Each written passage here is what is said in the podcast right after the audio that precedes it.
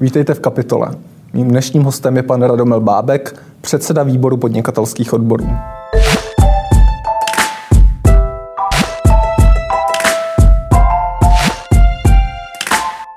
Vítejte. Dobrý den. Začněme optimisticky. Pokud byste měl vládu ve vztahu k podnikatelům letos za něco pochválit, co by to bylo? Hmm, to jste mi dal strašně těžkou otázku, pane redaktore.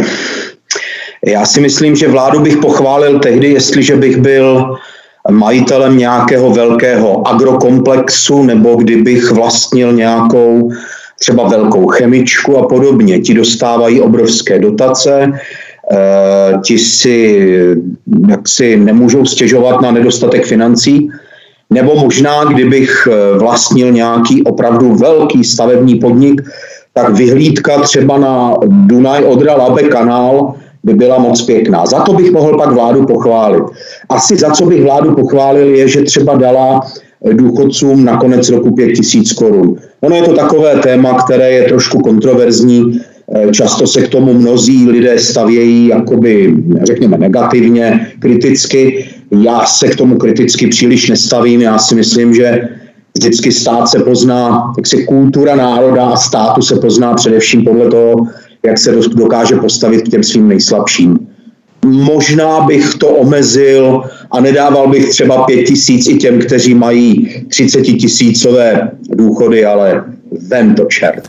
Pět tisíc pro důchodce dobře, ale vy mi trošku utíkáte z otázky ve vztahu podnikatelům. Mají podnikatelé za co poděkovat?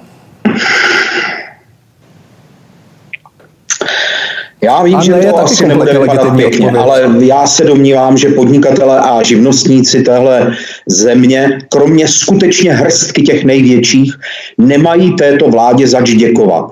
To, co ta vláda jim dává a to, co prezentuje jako jakoby svoji dobrou vůli vůči ním, různá ta opatření ekonomická, hmm. takzvaná na, takzvaně na záchranu eh, podnikání, přičemž to tak často není. To přece ale není jejich dobrá vůle, to je povinnost té vlády. Když na jedné straně vzala lidem možnost pracovat a mít příjmy, musí na druhé straně těmto těm týž lidem dát možnost alespoň přežít. Takže za to bych, do, já bych za to vládu asi nedokázal pochválit, protože to ani nedělá dobře. Rozveďme tenhle ten bod. Vláda nedává podnikatelům možnost přežití? No, tak já vám dám takový příklad. Um, živnostník, který přišel, vezměte si, vezměme si živnostníka, který má malou hospůdku, přišel o příjmy, protože tu hospůdku musí mít zavřenou a v té hospodě pracuje on jako živnostník a má tam třeba kuchaře zaměstnance nebo servírku zaměstnanou. Hmm. A tenhle živnostník má možnost od vlády, tedy v uvozovkách od vlády, ono to je od nás, daňových poplatníků, vláda žádné svoje peníze nemá, tak on má možnost dostat takzvaný kompenzační bonus 500 korun na den. 500 korun na den znamená, že by měl dostat asi 15 tisíc za měsíc. Mimochodem ty hospody jsou teď v této druhé vlně už více než měsíc zavřené. 15 tisíc na měsíc uznáte, že jako příjem pro rodinu, třeba, třeba i s několika dětmi, není nic moc. Jenže z těch 15 tisíc mu vláda rovnou 5 tisíc vezme, protože on z toho musí zaplatit odvody. Takže mu zůstane 10 tisíc čistého. A toto, prosím, nejsou ale peníze na podporu podnikání, to je v podstatě jakási podpora v nouzi, to je jakási dávka v nouzi, nebo řekněme podpora v nezaměstnanosti, kdy ten člověk, který ztratil příjmy, dostane na živobytí. V tomto případě 10 tisíc korun čistého. Almužna.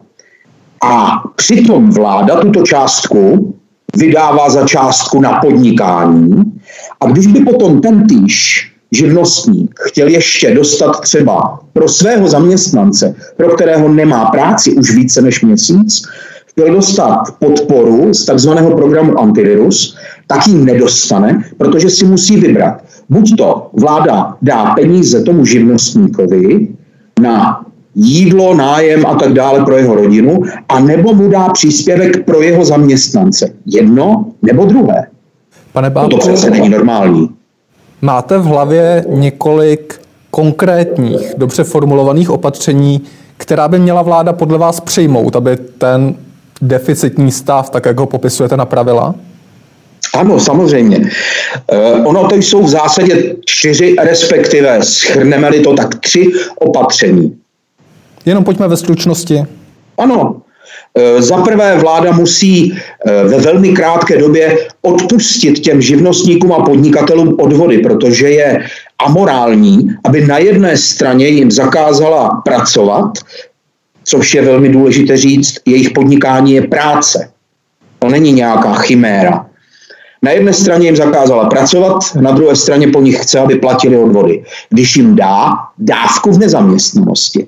Takže odpustit odvody a zároveň jim odpustit odvody za zaměstnance, za eh, tedy takové ty, které mají jako zaměstnavatele.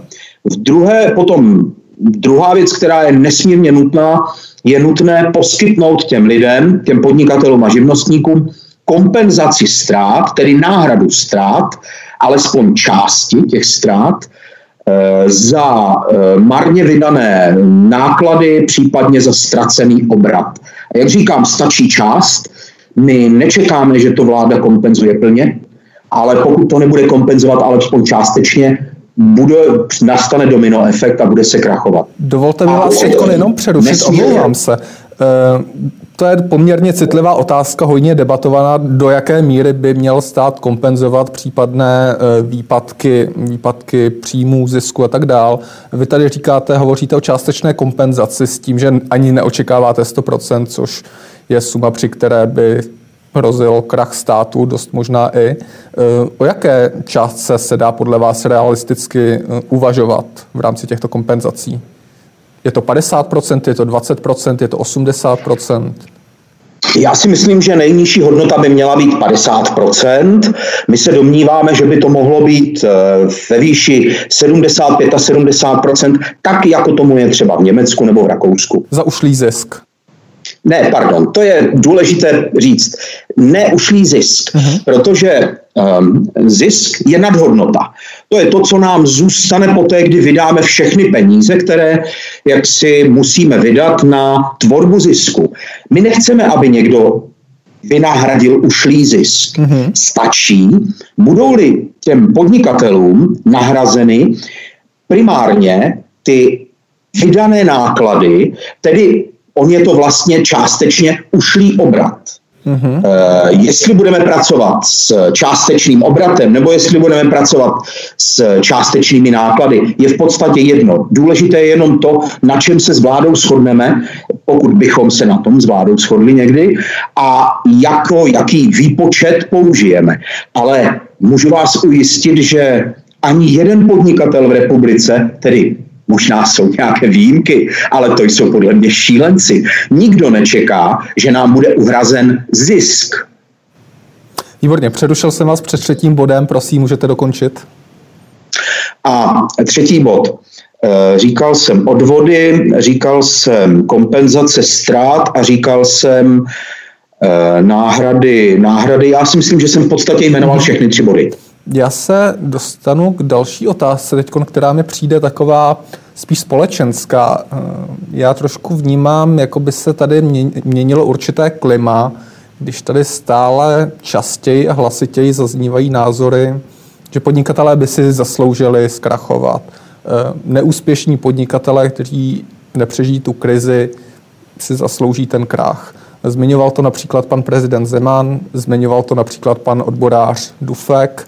Ehm, vnímáte to podobně, jakoby, že se mění trošku společenská atmosféra, sentiment vůči podnikatelům tím spíš, že vychází od určitých role modelů této společnosti? Vy jste to pojmenoval velmi správně a vlastně jste to popsal skoro za mě, bych řekl. Ano, já to vnímám přesně tak, jak jste to popsal. Skutečně se mění, eh, výrazně jak si mění vztah podnikatelům a živnostníkům. Já podnikám od roku 92, takže si ještě pamatuji i tu dobu začátku 90. let, kdy slovo podnikatel bylo skoro nadávkou a potom se vše usadilo, mm, kultivovalo se podnikatelské prostředí a trvám na tom a tvrdím, že podnikatelské prostředí v České republice je kultivované stejně tak, jako je kultivované v Rakousku, v Německu či v jiných zemích. My podnikatelské prostředí máme na velmi dobré úrovni a velmi kultivované. Ten problém vzniká někde jinde. Ten problém vzniká mimo podnikatelské prostředí a to především v takové, bych řekl, eh, populistické politice. Až do roku 2012, 13, 14 jsme nezaznamenali žádné výraznější animozity vůči podnikatelům a živnostníkům. Ne, že by nebyli lidé, kteří jsou vůči podnikatelům vždycky jaksi kritičtí nebo hyperkritičtí, takový byli a budou. Ale výrazně se to začalo měnit po roce 2014, kdy hmm. především Andrej Babiš nastoupil s takovou tou retorikou rozděl podle hesla rozděl a panuj a začal vrážet klíny do společnosti. Hmm. Víte, eh, já se nebudu teď zabývat možná ani tím, co říká Andrej Babiš. Já musím vyslovit tady jednu tezi, která je podle mě velmi opomíjená a eh, to je jaksi eh, práce s pojmem, tedy práce s pojmem práce, nebo chápání pojmu práce. Mm-hmm. Za posledních sedm let se tady vytvořil dojem, že podnikatel je jakýsi parazit nebo nějaký šejdíř, živnostník je Bůh ví co, ale úplně se z toho, nebo ale, a úplně z toho byla vytěsněna ta, byl vytěsněn ten nejdůležitější pojem a to je pojem práce. Podnikání je totiž práce. Živnostník pracuje, pracuje často mnohem více a déle a intenzivněji než, než zaměstnanec, dokonce než jeho vlastní zaměstnanec. Hmm. To je normální a běžné. Podnikatelé a živnostníci se nikdy jaksi tím nezabývali, nikdy jsme z toho nedělali téma, ale zdá se, že to téma budeme muset zvednout taková floskule ošklivá, že budeme muset se tím začít zabývat a budeme muset začít říkat to, co my podnikatelské odbory máme, jak si připraveno a na čem stojíme. Hmm. Všimněte si například, že Mezinárodní úmluva práce se zabývá pouze zaměstnaneckou prací. Jako kdyby živnostník nepracoval, podnikatel nepracoval a tak dále. Hmm. A to je možná ten zásadní problém, který ve společnosti máme. Já možná ještě na tohle téma si dovolím jednu, jednu otázku, pak se posuneme dál. Zmínil, zmínil jste přerok, pře, rok 2013-2014 souvislost s nástupem vlády Andreje Babiše, vlád Andreje Babiše. Ehm, do jaké míry vlastně to, o čem tady hovoříte, ten sentiment vůči podnikatelům, je s tím spojený, s tím, s tou politickou proklamací, s tím s těmi reálnými politickými skutky, s, tě, s tou legislativou, s tím úřednickým aparátem a jeho praxí. Do jaké míry to koreluje? No, je to komplementárně spojeno. To jsou spojené nádoby, kde jak si ty hladiny na sebe navzájem reagují. Když eh, Takovým typickým příkladem bylo, když se Andrej Babiš snažil zavést elektronickou evidenci tržeb v letech v roce 2015-16, tak téměř denně zaznívalo z televizních obrazovek, z rádií, za prvé reklamy na to, jak je potřeba šlápnout, když to tedy budu parafrázovat, šlápnout na ty malé, na ty podnikatele a živnostníky, protože Podívejte se, jak nás okrádají. Za peníze, které vybereme, bude tolik školek, tolik a tolik a tolik toho a onoho. To byla první a to je podsouvání. To je, to je taková ta podprahová, to je takové to podprahové ovlivňování. A samozřejmě druhá, jaksi druhý a ještě možná mnohem horší jev byl, že Andrej Babiš a s ním spojení lidé, kteří podporovali tehdy EET, aniž by to bylo samozlo, to jistě není, tak v zásadě explicitně zaznívalo podnikatele a živnostníci. Oni kradou, oni podvádějí, neodvádějí daně, jak mají a tak dále a tak dále. A já mám typický, já mám dobrý příklad toho, jak jsou podnikatele, respektive živnostníci, jak si to jsou podvodníci. Ale to se do médií nedostane nebo velmi obtížně. Byl v jarním období živnostníci podali jeden milion žádostí, nebyl to jeden milion živnostníků, ano. ale podali jeden milion žádostí o kompenzační bonus, to je těch 500 korun na den. A pouhých 49 bylo eh, uznáno za jaksi podvod nebo kriminální čin, kdy podvodným způsobem se někdo snažil dostat peníze. Z jednoho milionu 49 žádostí bylo podvodných. Hmm. Tak takhle poctivá jiná skupina obyvatel v České republice není. Za to dám ruku do ohně. Pojďme se podívat nyní na současnou situaci živnostníků, malých podnikatelů po devíti, doufám, že jsem to spočítal správně takhle v rychlosti, po devíti měsících vlastně trvání covidové epidemie hmm. s krátkou letní přestávkou. Eh, jaký je ten současný stav kolik živnostníků, kolik podnikatelů tu covidovou epidemii přežije, respektive jejich podnikání tu covidovou epidemii přežije? Já si nejprve odpovím na tu část, kdy, nebo když jste říkal, budu reagovat na to, když jste říkal, jaký je stav. Prosím. Eh, je to stav vyčerpání. Ti lidé, a mluvím o, o živnostnicích a malých podnikatelích, protože eh, ti tvoří úplný základ ekonomiky. Na nich ta ekonomika stojí. Uh, jsou vyčerpaní. Jsou vyčerpaní samozřejmě finančně, o tom není pochyb. Ale jsou vyčerpaní i mentálně. Zatímco na jaře přišla, přišel jakýsi náraz, všichni, všichni se tak jako vzepřeli a řekli, no tak, tak dobře, tak teď budeme poslouchat, co říká vláda, budeme to respektovat a nějak to přežijeme. Trvalo to řádově tři měsíce a přišlo velké rozvolnění, kdy, které bylo tak krátké, že většina z nich se nedost, nestačila ani nadechnout. Hmm. Kadeřnícím nechodili dostatek zákazníků, protože se to ještě znovu nenaučili. Někteří se naučili, že se radši doma ostříhají, starší lidé se báli tam chodit pořád a tak dále a tak dále. To samé měli hospody, to samé měli mnohé krámky. To vám řeknou i pekaři, kteří v létě nenajeli ještě na, to dokonce mám pocit, že říkal poslanec Bláha, to je za ano, Babiš, to je Babišův člověk, tak v téhle situaci už za ním nestojí teď. Hmm. Při 15 metrech čtverečních pan Bláha. Ale je to tak, prostě nestačili se ani nadechnout a v době, kdy v průběhu srpna, září bylo jasné, že se schyluje k něčemu, řekněme minimálně k opakování tého. To je druhé vlně, ano tak vláda dělala, jako by se nic nedělo, žádná opatření. A když opatření, tak pouze ta na ochranu zdraví, ale na ochranu e, ekonomiky ne.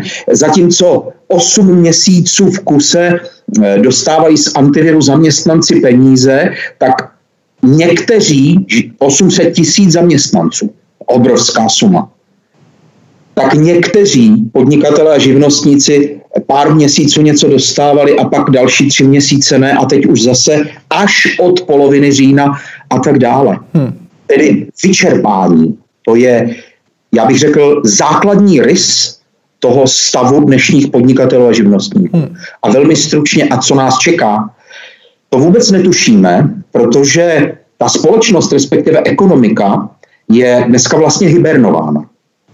Eh, je to takový zimní spánek, a, a teprve v okamžiku, kdy dojde k uvolnění ekonomiky, kdy tu vypnutou ekonomiku zase zapnou, tak teprve uvidíme, kolik a koho zkrachovalo. Hmm. Pokud se podíváme na ten výhled, pracujete alespoň s nějakými odhady, kolik, kolik podnikatelů, kolik živnostníků tu krizi přežije, respektive nepřežije? Asi to bude velmi rozdílné, řekl bych, obor od oboru, nebo dokonce i oblast od oblasti. Ehm, přestože v Praze třeba jsou extrémně, v extrémně obtížné situaci hotely, tak pokud za sebou mají nějakou silnou, kapitálově silnou společnost, tak i když ta jejich situace je opravdu katastrofální, tak to můžou přežít.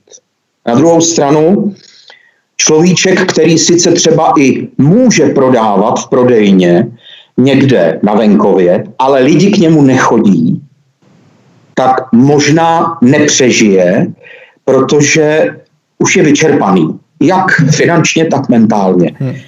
Ty odhady jsou eh, dneska takové, že je pravděpodobné, že někde mezi 20 a 30 procenty takových těch nejzasaženějších oborů, jako jsou eh, malé, především malé restaurace, jako jsou eh, bary různé, jako jsou různá kulturní zařízení. Kultura je neuvěřitelně těžce zasažená. A přitom tedy, musím říct, podceňovaná vládou extrémně. Tak já myslím, že opravdu můžeme čekat někde mezi 20 a 30 procenty eh, krachu. V případě, že to bude méně než 10%, tak já za sebe řeknu chvála Pánu Bohu. Tak doufejme, že to bude méně než 10%. Pojďme k další otázce, pane Bábku. Mě zaujaly některé vaše komentáře a vlastně jedna úvaha v nich, kdy jste zmiňoval, že na jedné straně vláda tady si schválila 500 miliard korun rozpočet, eh, deficit rozpočtu pro letošní rok, plus další stovky milionů přijdou nejspíše v příštích letech. Na druhé straně ale ta pomoc, a to zmiňujete i tady, tady během toho rozhovoru, pro ty živnostníky, podnikatele je relativně minimální. Kašle podle vás stát na tuto skupinu? Doplácí tato skupina podnikatelů a živnostníků na to, že tady máme nějaký buffer, nějakou, nějaký nárazník, který je přesně pro pří, případ krize, ale který se přerozděluje možná podle trošku zvláštních pravidel? Víte, já teď, já teď budu brousit trošku do politiky, nebo řekněme spíš zachovám se trošku jako politolog, který nejsem, ale e, já se nemůžu zbavit dojmu a řekl bych, není to dojem, je to spíš věm schování, je to hodnocení chování vlády a to nikoli pouze chování v koronakrizi. Vláda už dlouhodobě od nástupu Andreje Babiše, tedy někdy od roku 13-14, výrazně zhoršuje podnikatelské prostředí, tedy prostředí pro podnikání, především to malé a střední nebo živnostenské. Stále se přitvrzují podmínky, stále se zvyšuje tlak na, eh, na řekněme, jakousi kontrolní aktivitou, se zvyšuje tlak na Eh, na ty, na, ty malé, na, ty, na ty malé podnikatele a živnostníky. Eh, vláda, vláda vyvíjí veškeré, ty, nebo její úřady jako finanční zpráva vyvíjí velmi tvrdé aktivity ve směru k získání co největšího množství peněz, ber kde ber, od těch živnostníků, za pokuty, za penále, za a tak dále a tak dále. Za bagatelní přestupky dostávají až likvidační pokuty.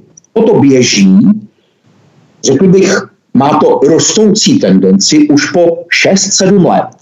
V koronakrizi, zdá se, jsme možná v tomto dospěli vrcholu, nebo vláda dospěla svého vrcholu, protože se ukazuje, že vláda prostě ty malé živnosti, živnostníky a malé podnikatele nechce zachránit že bude pro ní lepší, aby zkrachovali, šli pracovat do korporací a někam dělat svářeče, jak říkal pan Dufek. Oni si v tomhle notují. Pan Dufek, pan Havlíček, Babiš a další. Hmm. Oni si v tomhle notují. Jinými slovy, eh, já jsem přesvědčen, že to, čeho jsme svědky, to, co žijeme dnes, a naše současnost, je jakési budování takového toho oligarchického socialismu velmi silný stát, který je vždycky za dobře a vždycky se domluví s těmi největšími korporacemi. Hmm. A ty malé nepotřebuje, protože ti malí jsou nezávislí,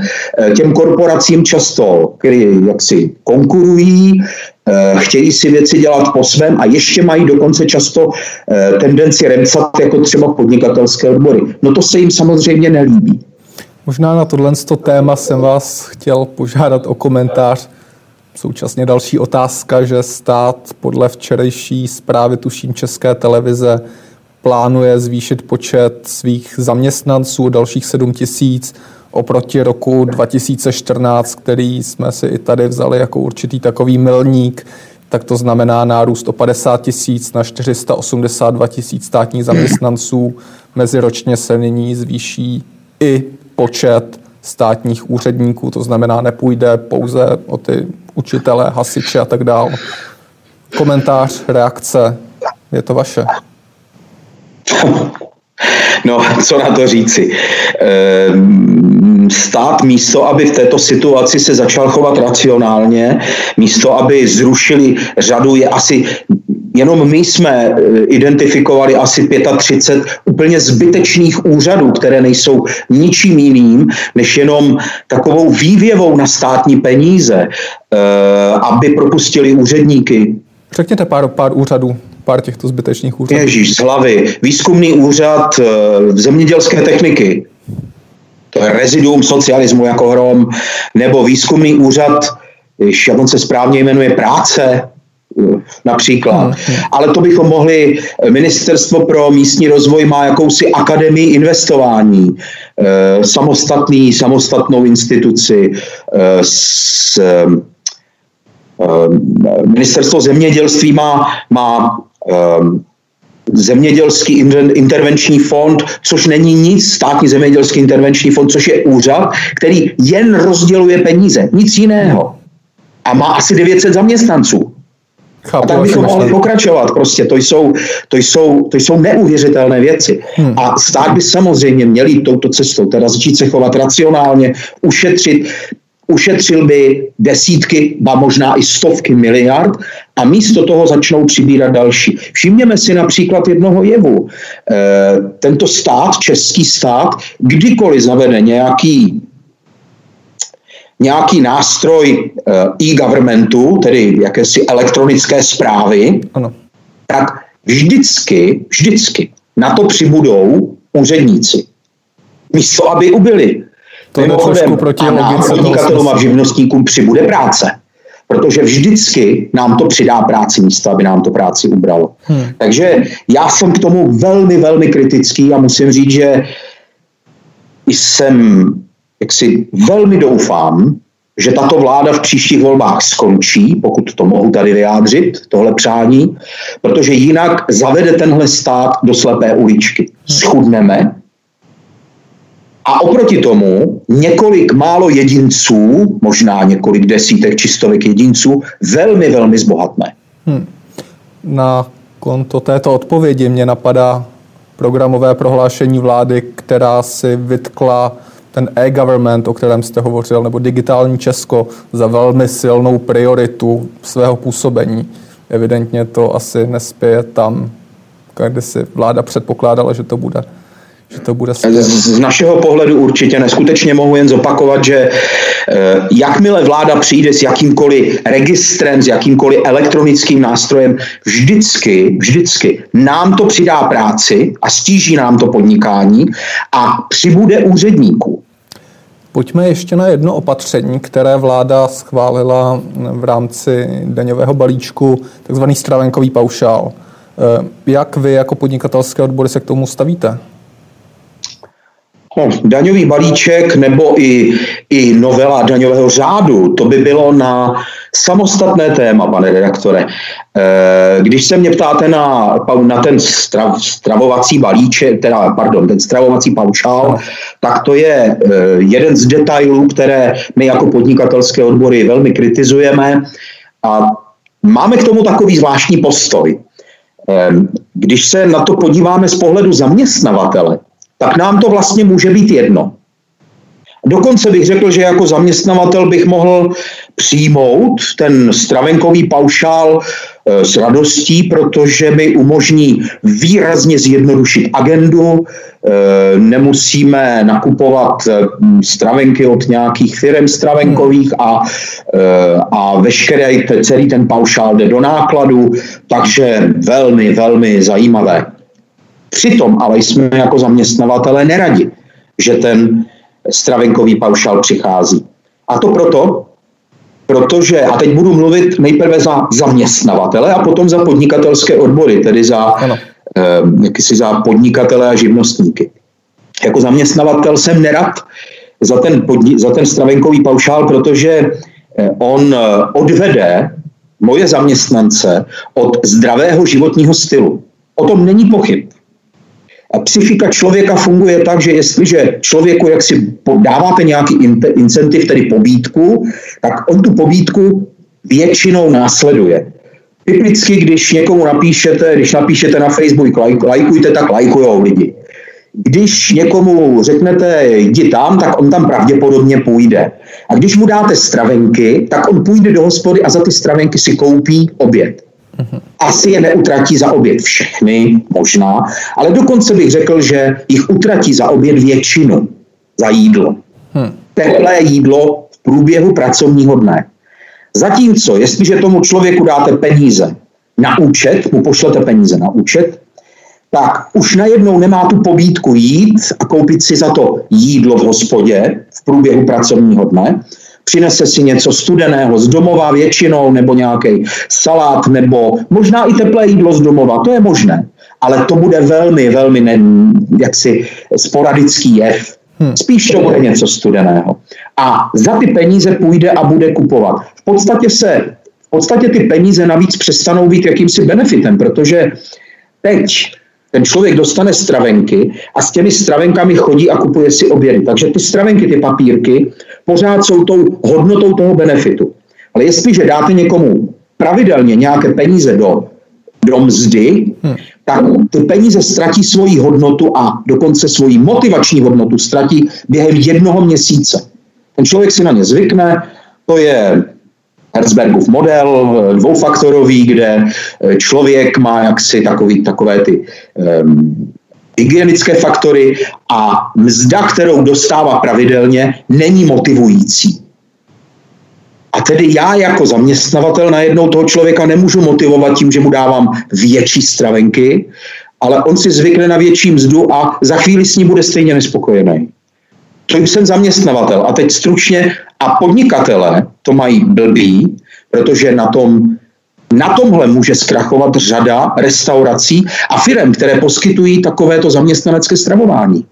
Dovolte prosím zareagovat na tu první část odpovědi. Zajímalo by mě, jestli existují nějaká data, například ze zahraničí, eh, kde podobným procesem společnost prochází, kde se zavádí podobný stravenkový paušál a která by ukazovala to, o čem hovoříte. To znamená, že lidé, zaměstnanci se zánikem, nebo ne se zánikem, ale s nástupem stravenkového paušálu už nebudou tolik motivovaní navštěvovat restaurace během oběda.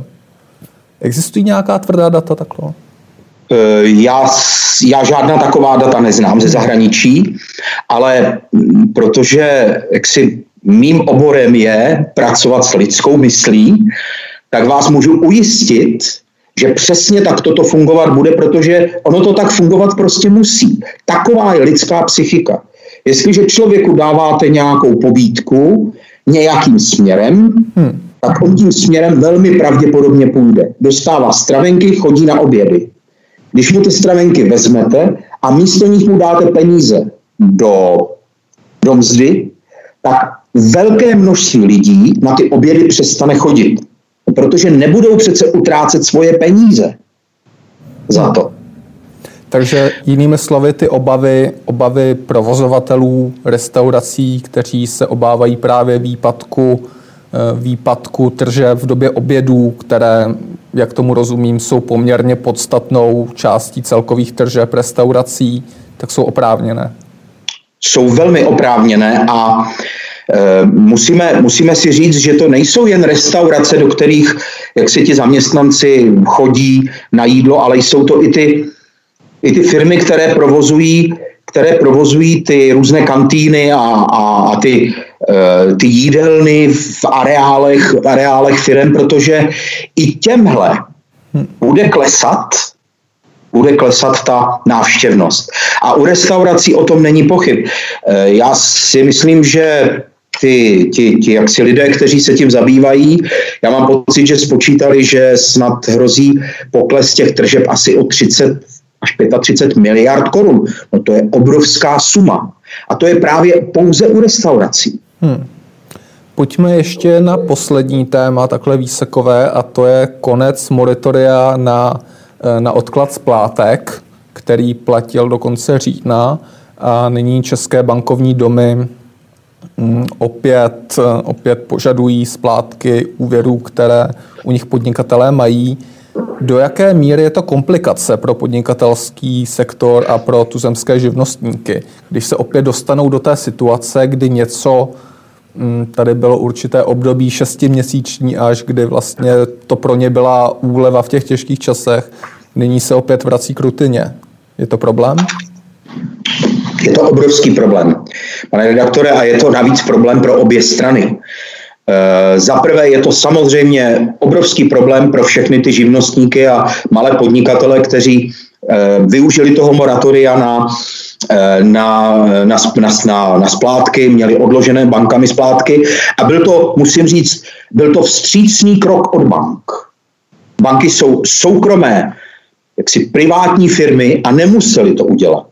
Takže my za ty lidi jsme jim za to vděční.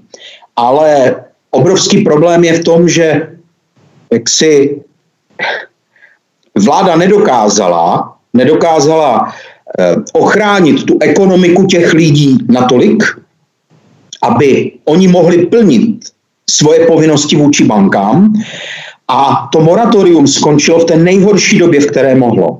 Ale to bylo zřejmé, že to tak bude. Že jestliže na jaře začalo, začal odklad splátek půlroční a na podzim, kdy běžně chodí chřipková epidemie, že prostě něco takového musí přijít a jestli to nebude covid, tak to bude chřipka a prostě zase dojde k nějakému ohrožení ekonomiky. A bohužel tato situace covidová je mnohem horší samozřejmě. No tak vlastně spadli z bláta do louže, překlenuli období, kdy sice měli nějaké nějakou úlevu, nemuseli splácet a teď mají začít splácet v tom nejhorším. Ale já musím říct, že já mám velké pochopení pro banky v tomto smyslu, eh, protože eh, do nekonečna banky nemohou odkládat splátky. To jsou peníze, které půjčili. To není stát, kterému my dáváme peníze. Stát se musí starat. Ten dostal na to naše peníze a když říká, že neví, kde na to vzít, tak já říkám, už dávno jste je vzali, vládo my do vás sypeme a sypeme a sypeme, tak ukažte, že s těmi penízi, penězi umíte hospodařit. Banky, banky teď vypadají, jako kdyby to byl nějaký zlý velký kapitál, který teď tvrdě chce, eh, tvrdě šlape po těch malých, ale tak to není. Je to přesně to, co ta vláda e, dělá pořád. Vráží do té společnosti klím, staví proti sobě malé, malé dlužníky a velké věřitele. Staví proti sobě velké firmy a malé firmy, protože mají jiné podmínky. Staví proti sobě nepodnikající občany proti živnostníkům a tak dále a tak dále. Pojďme to uzavřít, pane Bábku. Pokud se podíváte do příštích měsíců, do roku 2020-2021, jste spíš optimista nebo pesimista? No, já jsem takový, já jsem z podstaty optimista. Já bych jinak, jinak bych nemohl podnikat. Já jsem z podstaty optimista. Já věřím tomu, že se, že se s tou situací vyrovnáme. Já věřím tomu, že neskrachuje tolik lidí a firem, kolik jak si hrozí, že by zkrachovat mohlo. Těch 30%. Já především velmi věřím, velmi věřím v takovou tu vytrvalost a odolnost, podnikatelů a živnostníků. To jsou lidé, kteří vydrží snad všechno, takže já budu jenom věřit tomu, že dokážou přežít i tohle. Říká pan Radoben Bábek, předseda výboru podnikatelských odborů. Díky, že jste byl hostem kapitoly. Děkuji vám za pozvání. Naschledanou. Naschledanou.